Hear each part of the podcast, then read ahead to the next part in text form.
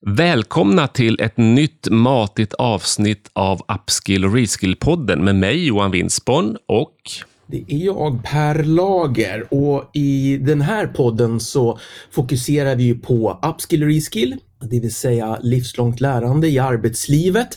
Och vi fokuserar ju extra mycket på case.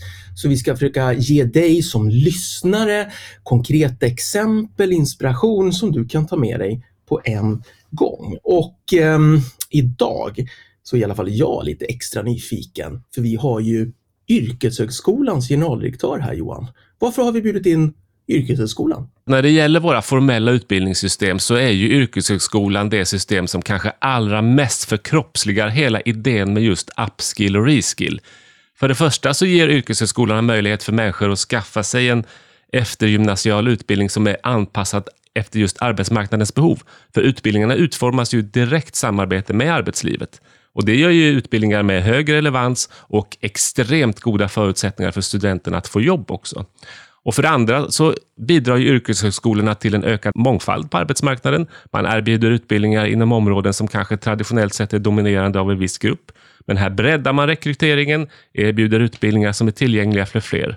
Och Det gör ju också att yrkeshögskolorna bidrar till en mer inkluderande arbetsmarknad. Och för det tredje så yrkeshögskoleutbildningar är ju ofta kortare än de traditionella högskoleutbildningarna. Och då blir de ofta mer kostnadseffektiva och tidsbesparande och det gör ju att personer som vill byta karriär eller vidareutbilda sig inom sitt befintliga yrkesområde får en fantastiskt bra och snabb start på det.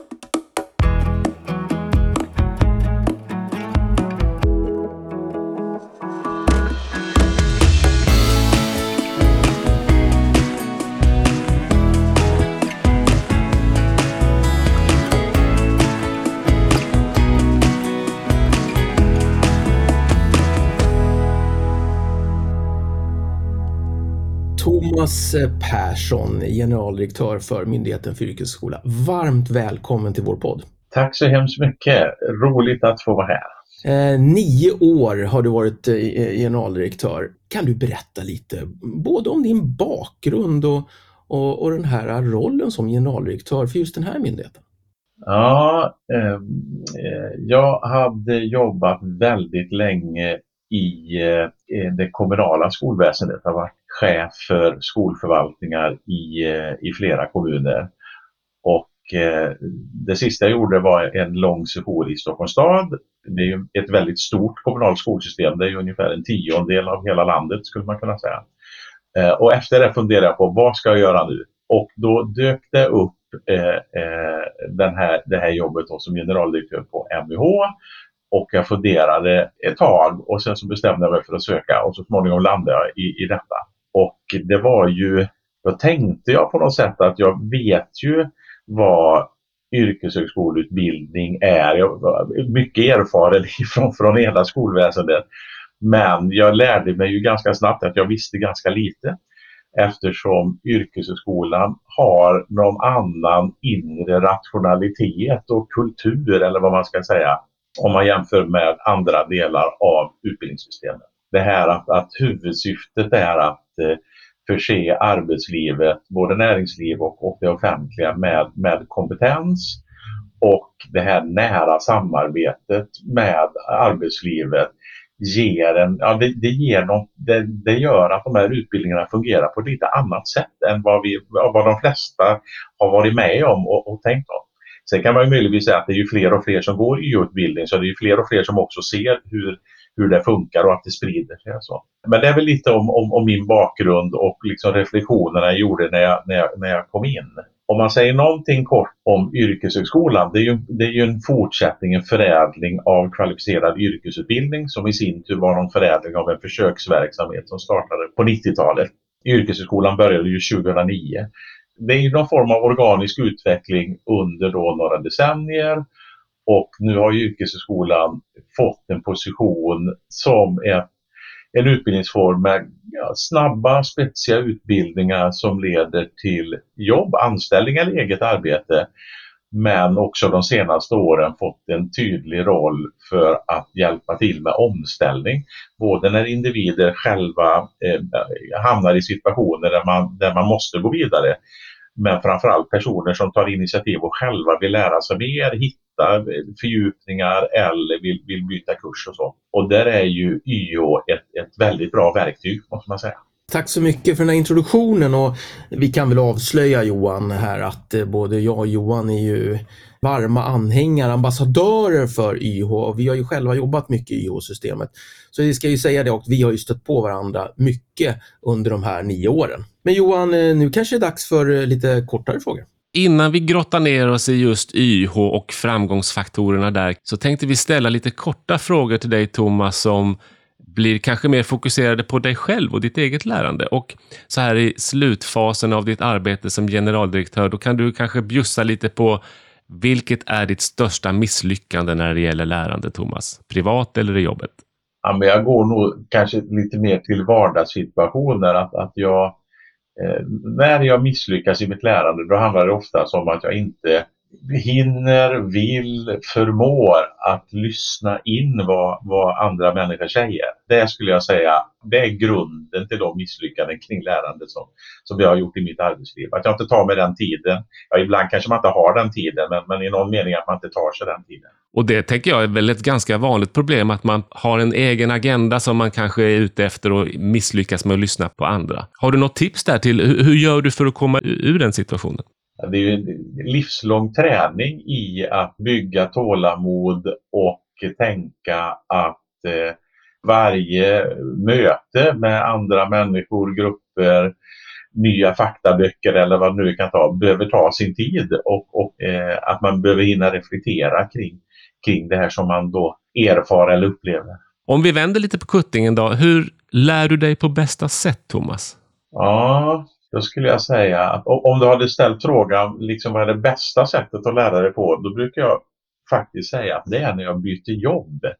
Alltså när man går från en verksamhet till en annan, en eh, organisationskultur till en annan, eh, då blir man på något sätt tvingad att lära sig väldigt mycket ganska intensivt. Det skulle jag säga är, är de gångerna när jag lär mig mest.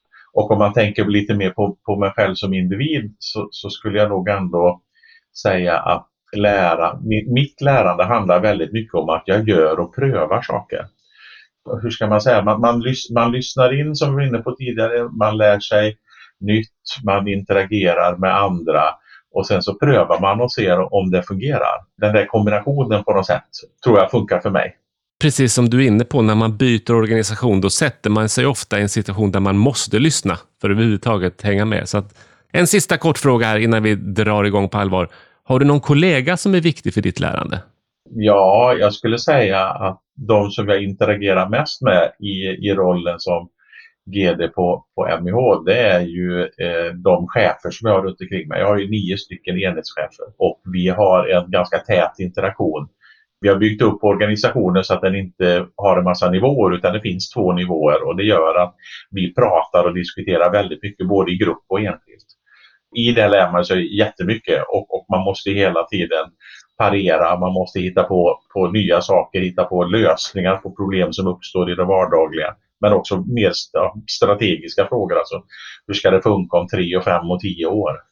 Tack snälla Thomas för de svaren på de här korta frågorna. Per, ska vi gå lite djupare på det här med lärande och YH? Ja, eh, vi har ju ett, en liten rubrik, ett block här i podden som handlar om synen på lärande. Men eh, vi tänkte att vi är lite agila, det där ordet man använder bara 500 gånger om dagen nu för tiden. Eh, och tänker att istället för att prata om synen på lärande generellt så skulle vi vilja höra hur, ser, hur, hur har din resa och hur, hur har yrkeshögskolans resa sett ut de här senaste nio åren? Eh, hur har synen på lärandet, formen för lärandet utvecklats? Jag skulle säga att när, när yrkeshögskolan kom till då 2009 så var det en förhållandevis okänd utbildningsform. Och det, var, och det beror naturligtvis i grunden på att det är få som har gått den typen av utbildningar. Alltså tiden gör ju på något sätt att kunskap, eh, kunskapen ökar. Men förhållandevis viss okänd och ja, det som har hänt över tid är naturligtvis att fler går och fler får kännedom om Och sen tycker jag också att jag har erfarit att eh, eh den allmänna bilden i samhället av yrkesutbildning har blivit mer positiv. Yrkeshögskolan har ju då, eh, om man gör det väldigt konkret, eh, eh, fördubblat sin volym då från, från 2014 någonstans fram till, till 20, 2021. Från 25 000 eller knappt 25 000 årsplatser till 50 000 årsplatser. Och det som är då intressant i, en, i en sån kraftig expansion som det då har varit, eh, kanske framförallt under 2018 till 2021, så, så eh, det tillkom så mycket nya utbildningar och platser men antalet sökanden, behöriga sökanden ökade ännu mer. Och det är ju någon form av tecken på att eh, synen på yrkesutbildning men också behovet av den här typen av kompetens har, har eh, ja, den är stor och, och ja, i någon mening ökar i alla fall. Det är väl då för att försöka ta tillbaka då till, till lärandediskussionen. Det, det, det finns no, någonting attraktivt för individer att gå kortare speciella utbildningar där det kanske är viktigare när man söker utbildningen vad, vad man skaffar sig för jobb än vilken utbildning det är man går. Man väljer mer ett jobb än man väljer en utbildning. Och då blir ju utbildningen inte målet utan det blir redskapet, metoden för att faktiskt nå dit man vill komma i sitt liv. Det där är väldigt spännande att se för det gör ju liksom att motivationsgraden hos de studerande är väldigt hög generellt sett. Ja, men det där är ju spännande. Som en fördubbling, eh, det, det ser vi ju faktiskt inte i, i andra utbildningsformer, den kraftiga tillväxten men har också pedagogiken, didaktiken, hur man möter och hur man utbildar eh, deltagarna, har den utvecklats också under de här åren? Där skulle jag säga att jag har lite mindre underlag för att kunna säga något väldigt säkert kring. Vad jag skulle kunna säga är ju att om man jämför yrkeshögskolan med andra utbildningsformer så är ju kravet på den innehållsliga kompetensen, alltså att man vet vad det är för arbetsliv man utbildar för och vad är det som händer i arbetslivet just nu. Den typen av kunskap är ju essentiell hos dem då som, som undervisar i yrkeshögskolan. Och där är ju vår bild att eh, där lyckas utbildningsanordnarna att skaffa sig den typen av, av eh, lärare eh, hög kunskap som, som då är kopplad till arbetslivets behov. Eh, när det gäller den mer pedagogiska utbildningen så finns det inga sådana formella krav att man ska ha en lärarutbildning eller dylikt. Utan det är ju anordnaren som ska säkra att det finns en tillräcklig pedagogisk kompetens. Och det kan jag inte säga om den har ökat eller minskat utan den ligger nog, ja, jag skulle gissa att den ligger på ungefär samma nivå över tid. Men det som är, är utmärkande för yrkeshögskolan är det första, det här att de som, de som undervisar de vet hur det ser ut i arbetslivet just nu. Eh, vilket ju gör att ja, det ökar ju då, alltså för de studerande som går utbildningen och, och eh, tar sig igenom utbildningen, de blir ju då väldigt attraktiva på arbetsmarknaden eftersom de då i någon mening vet det som behövs just nu eller de närmaste åren. Jag tänkte en liten uppföljningsfråga där. Yrkeshögskolan och, och eh, din myndighet är också, ställer också väldigt tuffa kvalitetskrav på utbildningssamordnarna och följer upp det här eh, och inte minst när man ansöker om att få bedriva yrkeshögskoleutbildningar så det är tuffa ansökningar, där får man ju slita mycket. Eh, och sen får man ju inte livslånga eh, besked heller utan man söker om och så gör ni löpande utvärderingar. Kan du berätta någonting om hur du ser på kvaliteten? Eh, kanske relativt de här nio åren eller? Där, där kan jag nog ändå säga att min bild med de underlag som jag har är att både såväl kvaliteten i genomförandet som utfallet av utbildningarna har ökat under den här perioden. Det har blivit bättre. Precis som du är inne på, vi granskar ju utbildningarna, dels då eh, när man ansöker och eh, man ansöker dessutom om då eh, efter, efter en viss tid. Och då, man måste ju på något sätt passera en tröskel för att ta sig in i yrkeshögskolan. Eh, man måste ha vissa kunskaper och erfarenheter för att faktiskt lyckas ta sig in. Det är inte helt enkelt och det är meningen att det ska vara en, en ganska rejäl tröskel. Och sen så gör vi då när utbildningarna är igång gör vi kvalitetsgranskningar. Ibland gör vi också tillsyner om det finns frågetecken då, kring mer formella regler, ja, regelefterlevnad och sånt där. Men oavsett om vilken av de där tre delarna man tittar på så, så, skulle jag då säga att de pekar på att det har blivit bättre i genomförandet. Och sen då i, i den uppföljande statistiken som vi har så ser vi också att utfallet har, har blivit bättre över tid. Det är ju ganska spännande här med de här olika saker du nämner. Dels behovet av pedagogisk kompetens hos de som utbildar och att de kraven inte är kanske lika högt ställda som på, i andra skolformer. Men istället då att man har en väldig närhet till vad som fungerar i arbetslivet i kombination med höga krav på de som faktiskt kommer in på utbildningen. Det gör ju, det är slags tre värden som i kombination gör att man kan laborera väldigt mycket med framgångseffekter här, tänker jag. Hur ser du på det? Jo, men jag, jag brukar ibland prata om, om, vad kallar man det, den lokala triangeln, alltså eh, utbildningsanordnarens eh, behov av att ta sig över tröskeln och ha ett bra eh, arbete för, för att säkra kvaliteten. De studerandes förhållandevis starka motivation att på snabb tid kunna ta sig till en annan plats i livet och arbetslivet som behöver kompetensen när den är, är ja, när de studerande gått igenom utbildningen. Den lokala triangeln mellan de där tre aktörerna på något sätt pressar ju upp eh, kvaliteten skulle man kunna säga. Det är liksom rätt utfört så kommer de sakerna att förstärka varandra och, och jag, har, jag gör ju besök på utbildningar regelbundet och jag ser det här ofta hur de där sakerna samspelar och hur man hur man helt enkelt triggar varandra. Det blir positiva utvecklingsspiraler kan man säga. Det är det normala när jag är ute skulle jag säga. Eh, det är helt fascinerande att se. Ja, Johan eh, och eh, Thomas. Spännande att höra lite om den här, den här fantastiska resan får vi ju säga. Men Johan, jag tänkte, vi brukar ju prata mycket om case här också i vår podd. Det är ganska mycket fokus på case. Vad är du sugen på att fråga Thomas om där? Ja, men det finns ju så mycket naturligtvis under den här resan som YH har tagit under åren och med dig som generaldirektör Thomas. Så jag tänkte du kanske vill välja lite här. Finns det någonting som du särskilt vill lyfta upp som framgångsrikt som du tänker att du är extra stolt över? Tre saker skulle jag kunna gå in på. Det första som man skulle kunna säga det är ju, och det har vi ju då försökt att och på olika sätt kommunicera, det är ju att vi möter människor som då finns på någon plats i, i livet och som eh, faktiskt bestämmer sig för att jag vill bli bättre på det jag gör eller jag vill göra någonting annat. Ett sådant exempel är en undersköterska eller en person som har jobbat som undersköterska under väldigt lång tid men som bestämde sig för att jag vill bli ambulanssjukvårdare. Och det låter ju som helt fantastiskt att man kan göra detta. Och man kan använda den kunskap och erfarenhet som, som, som man har och kunna ta nästa kliv till en, en mer specialiserad och eh, kunskapsintensiv befattning. Sen är det de som helt byter, byter eh, bransch och så.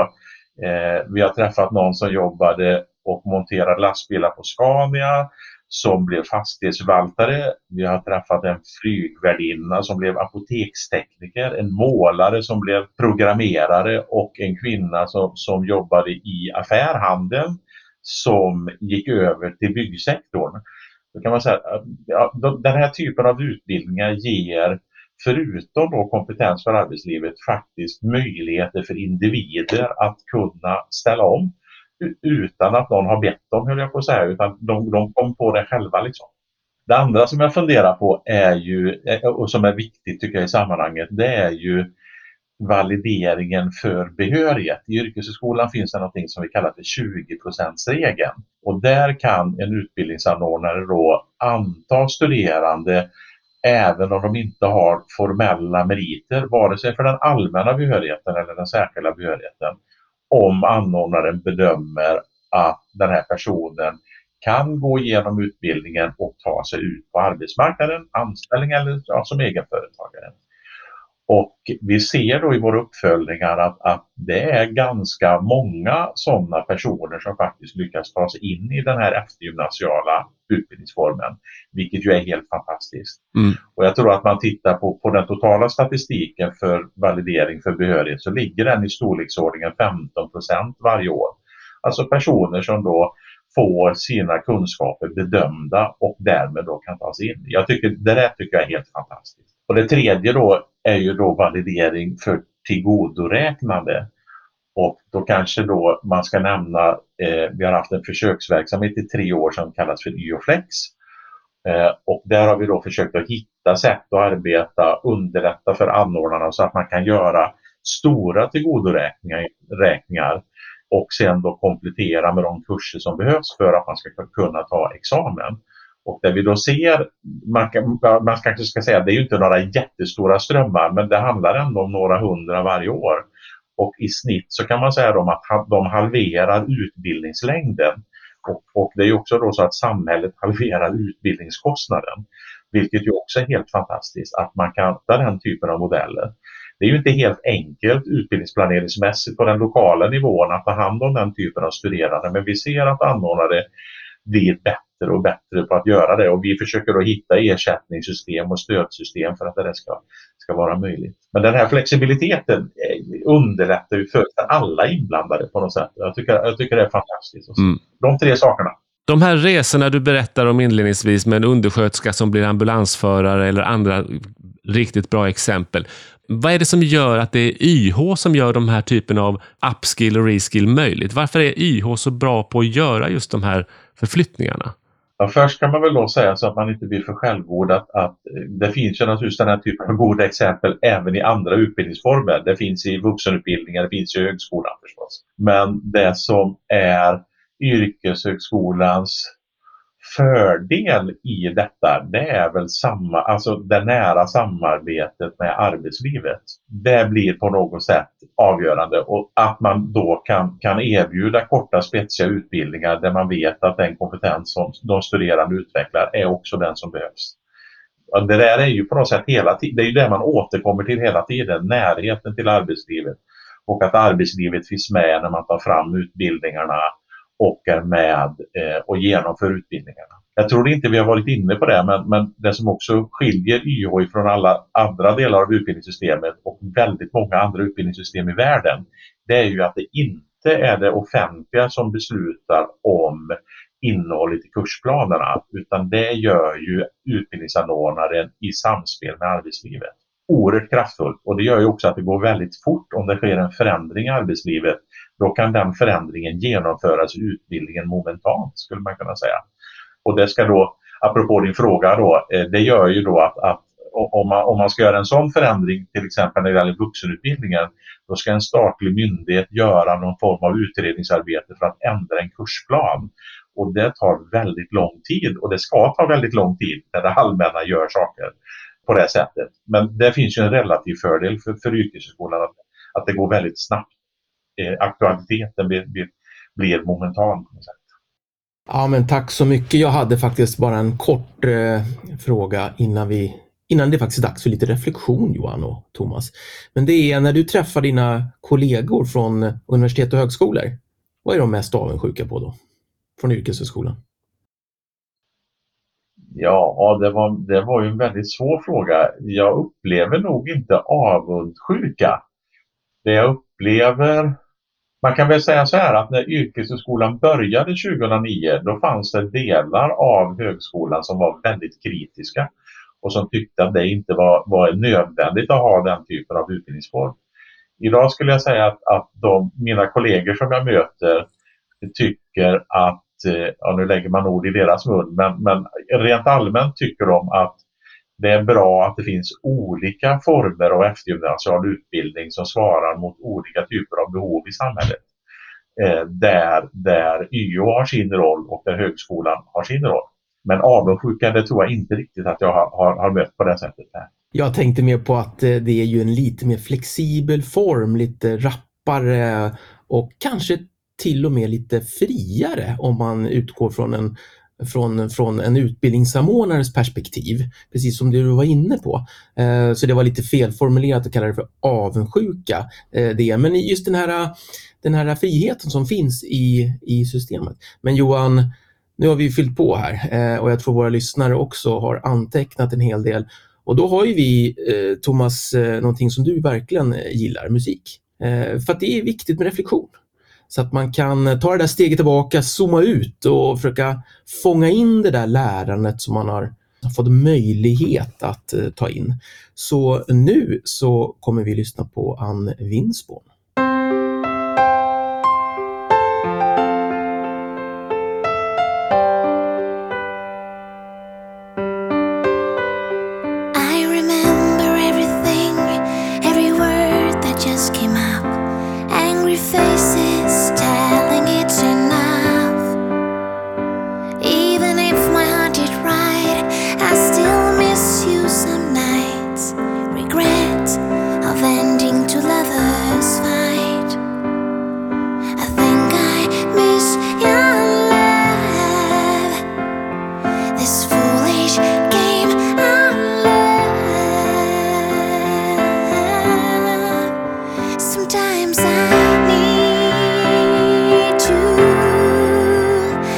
just feel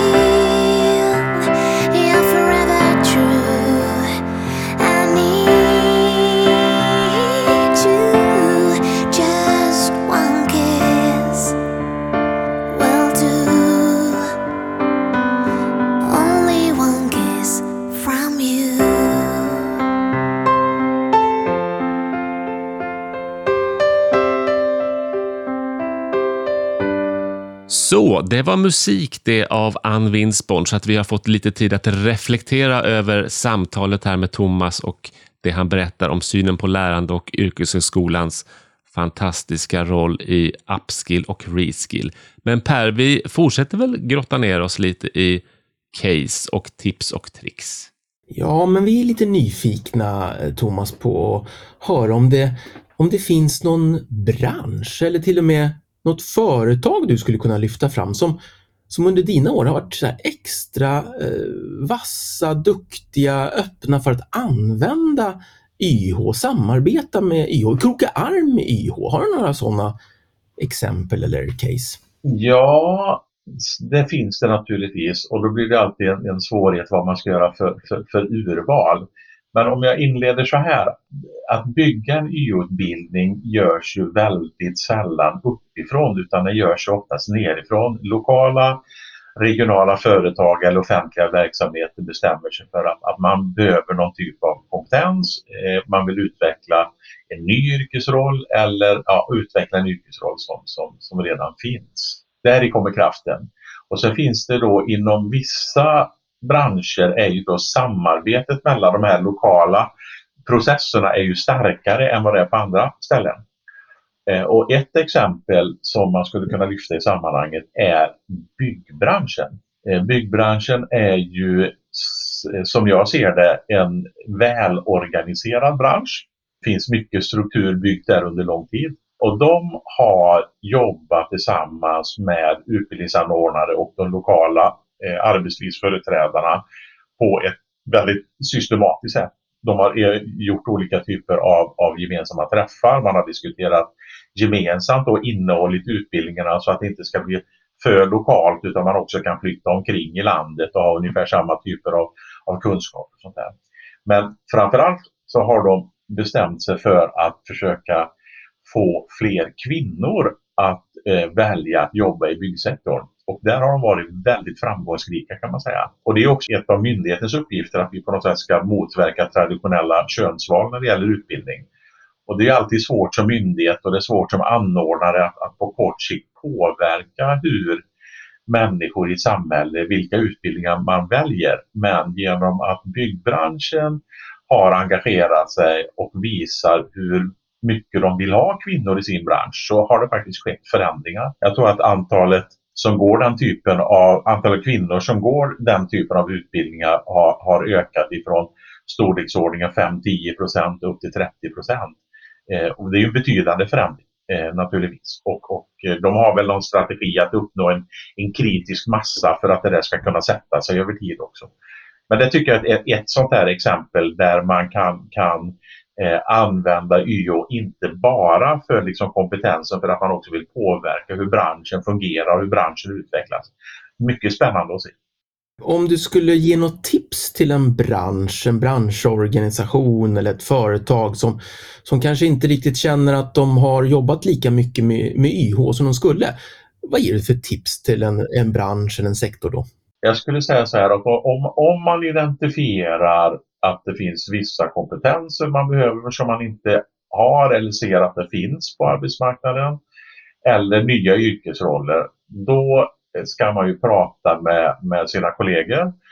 Och sen om man vill gå vidare då ska man ju ta kontakt med en utbildningsanordnare och diskutera om man kan bygga då en programutbildning på ett, två år eller kortare kurser då som motsvarar det här behovet. Och man kan väl också säga att det här är ju inte bara, alltså det är tänkt så att arbetslivet ska vara aktiva och att uttrycka sina behov. Det är en viktig del i, i hela yrkeshögskolan.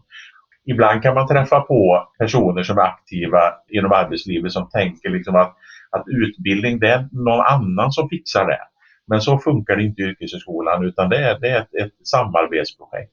Och det är till och med så att, att arbetslivet förväntas ju vara med och medfinansiera en del av genomförandet av utbildningen. De pengar som vi då som myndighet eh, fördelar till anordnare täcker normalt sett inte hela kostnaden för att genomföra en utbildning. Så att även i konstruktionen av systemet finns liksom idén om samarbete manifesterad. Thomas, du nämner eh, ju validering för behörighet och validering för tillgodoräknande. Och just validering eh, ser jag en enorm potential i när det gäller att synliggöra lärande och faktiskt skjutsa på effektiviteten när det gäller upskill och reskill rejält. Men det har inte riktigt fått den här boosten generellt upplever jag i utbildningssystemet som det skulle kunna få. Och då är min fråga till dig Thomas, innan vi går in på de här lite kortare frågorna igen. Varför tror du det är så och har du några tips från, från YH-myndigheten kring hur man får fart på det här med validering? Min, min bild är ju att validering eh, just nu håller på att öka i omfattning. Vi har haft en period där det har gått ner och det har funnits flera skäl till det. Jag tror att ett, ett skäl har varit de förändringar som har bedrivits inom Arbetsförmedlingen Eh, där man då ju har diskuterat vad Arbetsförmedlingen ska ha för uppdrag och sådana saker. Det har påverkat på något sätt efterfrågan på validering. Pandemin gjorde det svårare att göra validering där man träffar varandra. Så det har också dragit ner, men nu är det på väg uppåt. Och vad är det då? Ja, hur kan man påverka detta? Ja, I någon mening handlar det naturligtvis om, om lärande och kunskaper, att man vet att eh, det här finns, att eh, det efterfrågas och att det finns sådana som kan göra validering, eh, att det finns ett utbud eller vad man ska säga, att det finns en kunskap, eh, att det här också funkar. För jag skulle nog säga att, att min, min bild under de här åren är nog ändå att det som, som oftast håller emot validering är väldigt praktiska frågor och i någon mening också kulturella frågor. Alltså man tror inte riktigt på att validering är på riktigt, att det blir liksom det är, inte lika fint med validering som med formell utbildning, så skulle man kunna säga. Så att jag tror att tipset är på något sätt att fortsätta prata eh, om detta och att det faktiskt finns en efterfrågan, det finns ett utbud och det går och, och det verkar fungera alldeles utmärkt. Men ibland tänker jag att en aktör som är väldigt bra på att utbilda det är inte självklart att den aktören också är den bästa på att validera. Men i vårt system så tänker vi oss att det är samma aktör som gör de två sakerna. Så att, att man skulle kunna fundera på om man behöver specialisera så att det är liksom fler som blir duktiga på just det här med att validera. Och då tänker jag både på validering i förhållande till eh, utbildning, behörigt utbildning, men också validering eh, när det gäller yrkeskunskaper. Och på branschvalideringssidan så sker det ju en ganska kraftig utveckling nu skulle jag säga. Eh, där olika branscher då bygger upp kunskaper kring att validera olika typer av aspekter av, av yrkeskunnandet. Och då är det just specialisering. Alltså man, man utvecklar sin förmåga att kunna göra den typen av bedömning av vad, vad någon kan och då titta på vad är det man skulle behöva fylla på för att nå upp till en viss kvalifikation.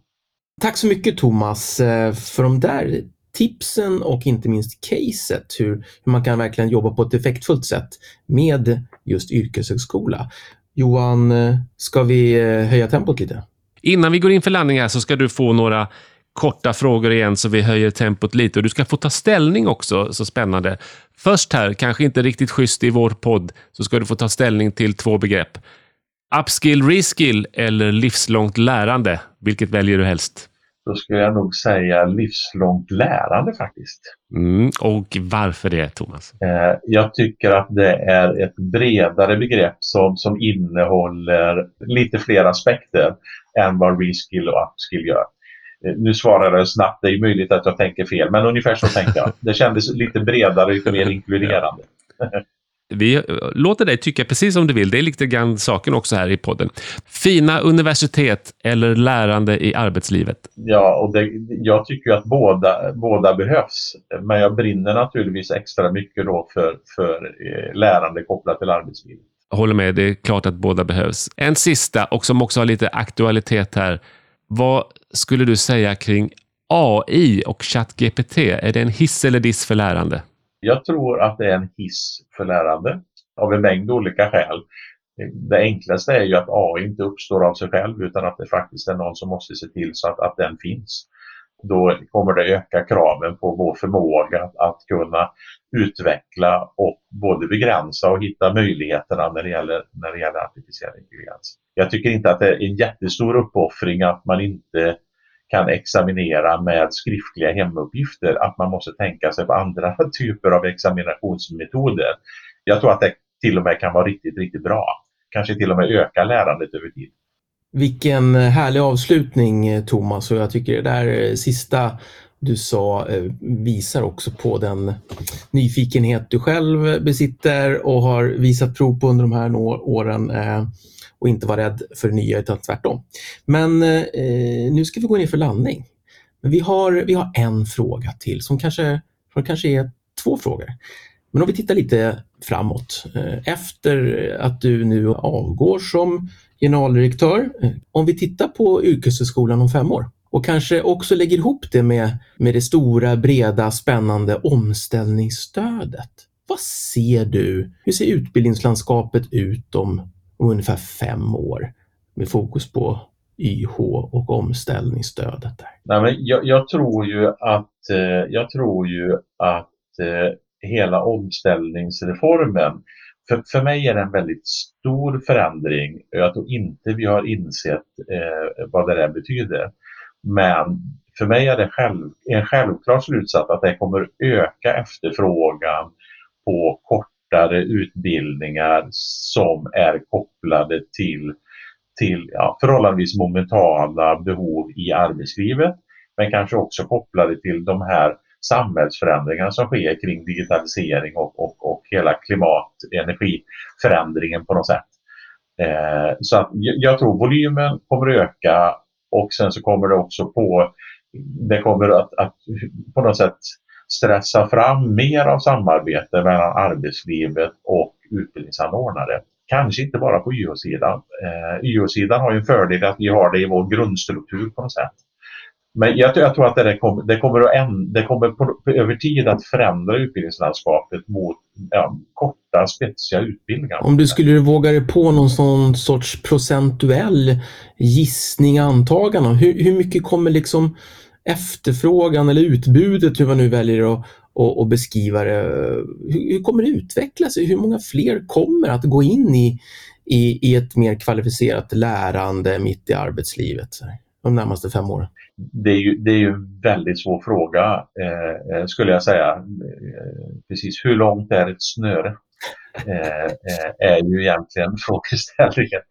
Eh, men om man, om man ändå eh, som man brukar göra, att man går, går tillbaka och tittar på historiken så kan man säga att eh, före hösten 2020 så var det noll som gick YH-kurser. Där vi vet eh, att under de första tre åren det var att 20 000 individer gick eh, YH-kurser. Eh, och detta var innan då omställningsreformen.